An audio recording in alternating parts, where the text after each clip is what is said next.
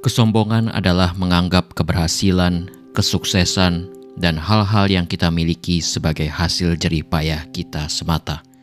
Lawan dari kesombongan adalah kerendahan hati, di mana keberhasilan dan segala hal yang kita miliki dilihat sebagai pemberian dan kemurahan dari Tuhan saja.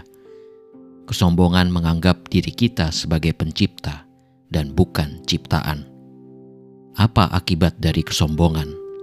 Pertama, kesombongan membuat kita sulit untuk berempati kepada orang lain, karena kita akan cenderung untuk melihat keadaan orang dan lalu menghubungkannya dengan apa yang sudah dilakukannya, seberapa besar usahanya, seberapa keras dia bekerja, seberapa rajin dia belajar. Kedua, kesombongan juga membuat kita sulit untuk bersyukur, karena untuk semua hal baik yang kita peroleh, kita berpikir sudah sewajarnya kita dapatkan karena kita sudah bekerja keras untuk itu.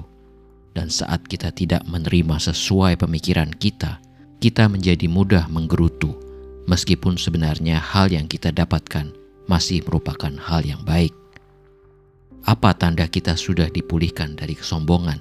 Pertama, kita akan mulai menyadari bahwa semua yang kita terima dan miliki semata-mata karena kemurahan Tuhan saja. Karena kalau kita menerima sesuai dengan apa yang kita layak terima, maka kita sudah celaka dan ada di neraka. Kedua, sangat mungkin kita mengatakan bahwa semua adalah pemberian Tuhan semata, tapi sebenarnya kita belum dipulihkan dari kesombongan. Pertanyaannya adalah, apa yang kita lakukan terhadap pemberian yang kita terima? Apakah kita memberikan perpuluhan kepada Tuhan? Apakah kita berbagi kepada keluarga, teman, dan sesama yang membutuhkan?